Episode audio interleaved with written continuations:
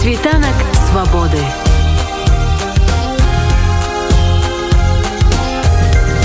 Світ вольнасці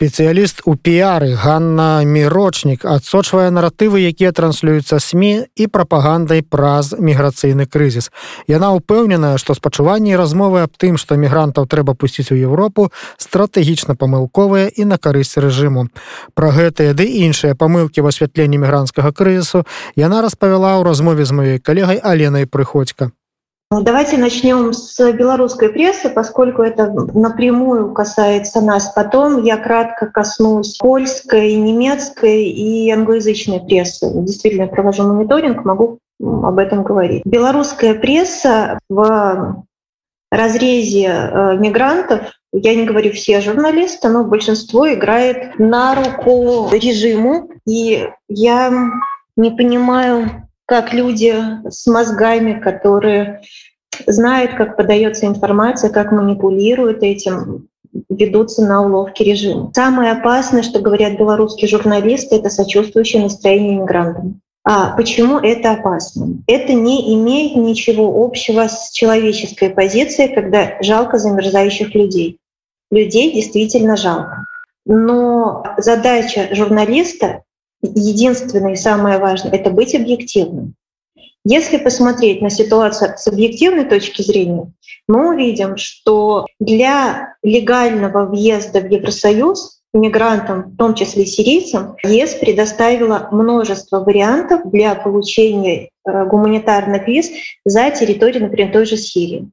Я прекрасно знаю, о чем говорю, потому что год назад, когда я пыталась въехать в Германию из Турции в Стамбуле, стояла сирийскими мигрантами под окнами немецких консульств. И да, действительно, легальный способ въезда в ЕС через э, восточные страны — это очень долгий, очень унизительный процесс. Я когда-нибудь напишу об этом книгу.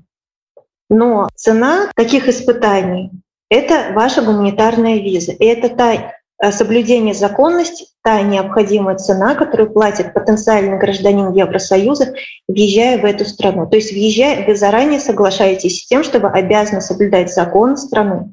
А попытка выбить палками и действовать в обход закона — это прямое нарушение. И если сейчас Евросоюз уступит и впустит мигрантов, он покажет, что и дальше можно говорить с позиции силы и плевать на местное законодательство.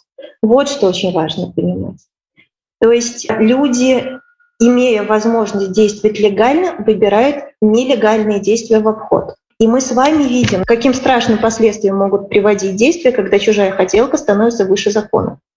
Нельзя этого допускать. И сочувствие в этом случае недопустимо. Тут я хочу докладить. Мы не можем там на 100% сцвярджаць, что гэтыя люди мэтанакіравана ідуць у абыход э, закона, потому что хтосьці кажа, что гэтыя люди подманутыя, то бок ім поабяцалі, напрыклад, легальный шлях у еўразвяз.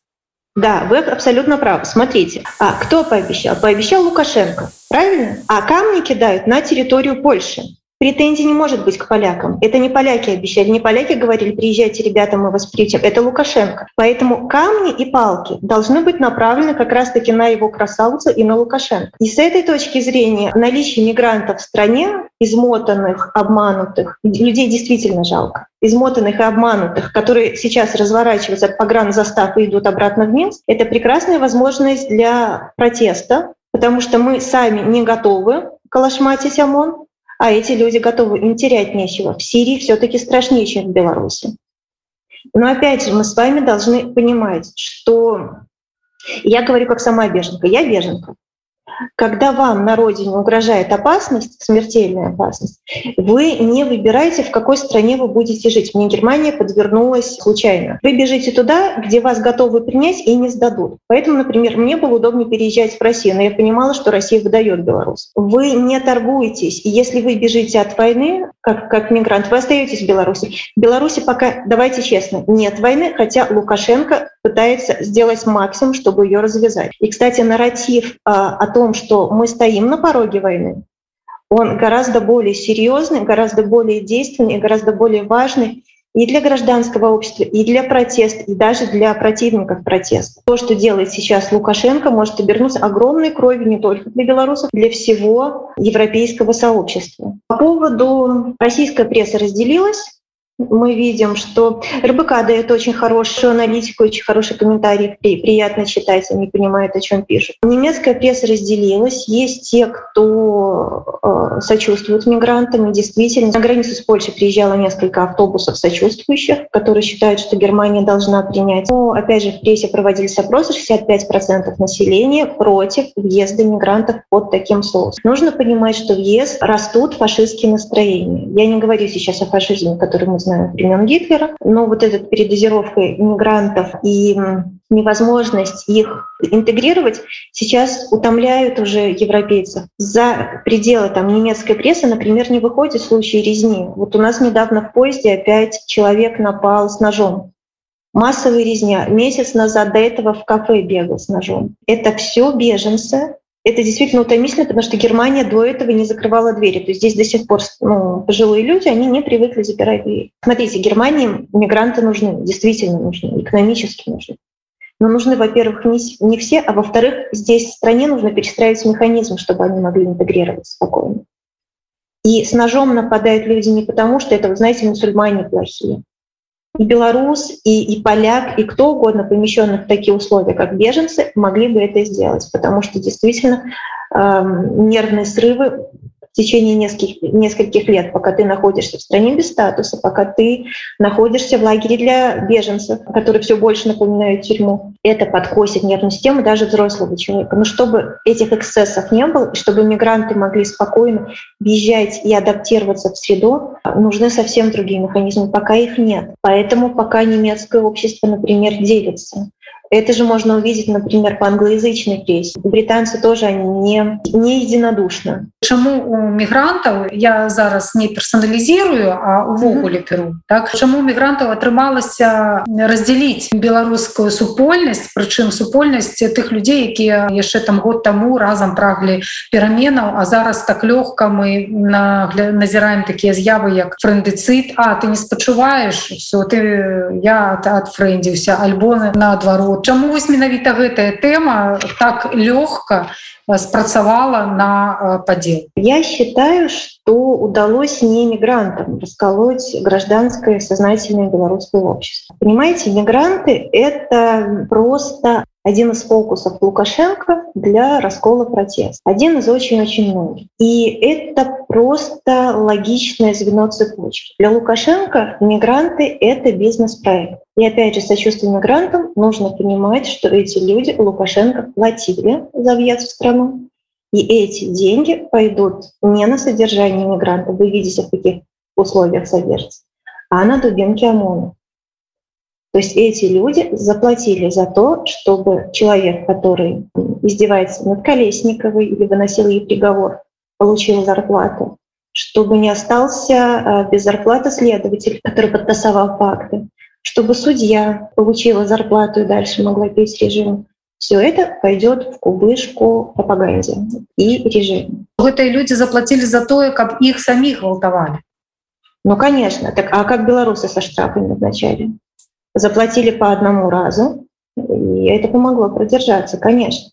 Это как сейчас э, многие пытаются приезжать из иммиграции, чтобы закрыть легальный ИП или заплатить там штрафы. Ну, то есть давайте будем честны. Если мы не признаем систему, мы этой системе не платим. И возвращаясь к вашему вопросу, расколол не э, этот случай с мигрантами протест. Лукашенко очень планомерно действовал на раскол. И, к сожалению, э, лидеры протеста ему подыгрывали. И все началось с того, когда Тихановская принесла жалобу в ЦИК, когда Лукашенко ей не отдал власть. И девушка не понимала, что э, если ты избранный президент, ты не несешь жалобу режиму, который сейчас не отдает тебе власть. Ты забираешь, ты обращаешься к армии, ты выводишь людей на улицу. И когда 300 тысяч человек 16 числа выходят на улицу, ты не говоришь спасибо, расходимся. Вы думаете, вы идете на тюрьму, вы идете штурмовать дворец. Этого сделано не было. Разумеется, часть народа разочаровалась, начались метания. Прекрасно помню, перерубали интернет. И когда сказали, о, расходимся, что там Тихановская, ну, настроение поменялось. Дальше. А, таким серьезным гвоздем в крышку протеста был Воскресенский. Ну, что датычна размовы Меркелі Лукашенко пакуль что не высветлено ўсё ж таки аб чым яны э, размаўлялі и это не важно это это извините я вас перебью это дипломатический жест и это очень ключевой жест и это очень печальная новость для протеста ведь смотрите тихохановская приезжала в берлин когда э, ситуация развивалась запад показывает что. А, что он видит что э, демократические белорусские силы ситуация не владеют на родине. С ними не советуются, к их услугам как консультантов не прибегают. Это очевидно. Я анализирую немецкую англоязычную повестку. Нет там ничего такого, чтобы как-то подтверждало политический статус Тихановской или кого-то из лидеров оппозиции. Да, Лукашенко еще не называют пока президентом, слава богу, это тоже о многом говорит. Но э, поездки не освещаются. То есть, да, безусловно, э, иногда с, с ней берут интервью, но не советуются. Э, Меркель этим шагом показала, что раз вы нам не даете другого кандидата, мы будем говорить, мы будем говорить с тем, кто есть. Мигранты — это на поверхности история. Сейчас Германии и России нужно запустить Северный поток. Это ключевой интерес. Если бы Светлана понимала это год назад, ведь ситуацию можно было бы очень элегантно разрулить, усадив как раз Путина и Меркель за стол переговоров. Был бы вин-вин. Сейчас будут договариваться без нас. И Лукашенко просто ну, остается в таких в обслуживающем ну, статистах у Путина. Ну як разгортваецца сітуацыі як мяркуюць розныя эксперты что так что гэта гульня у якой пакуль что Путин перамагае. Я думаю что все немножко по-другому. Сейчас коронавирус выкосил экономики в том числе и штат. Соединенным штатам Америки война была бы очень на руку.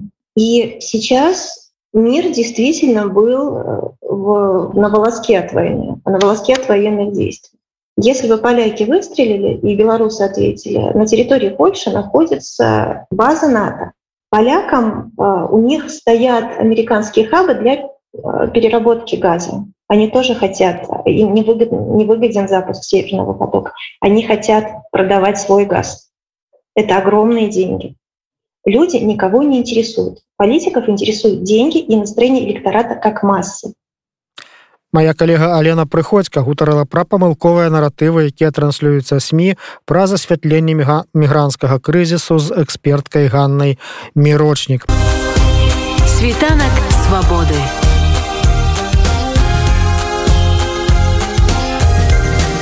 Світ вольнасці.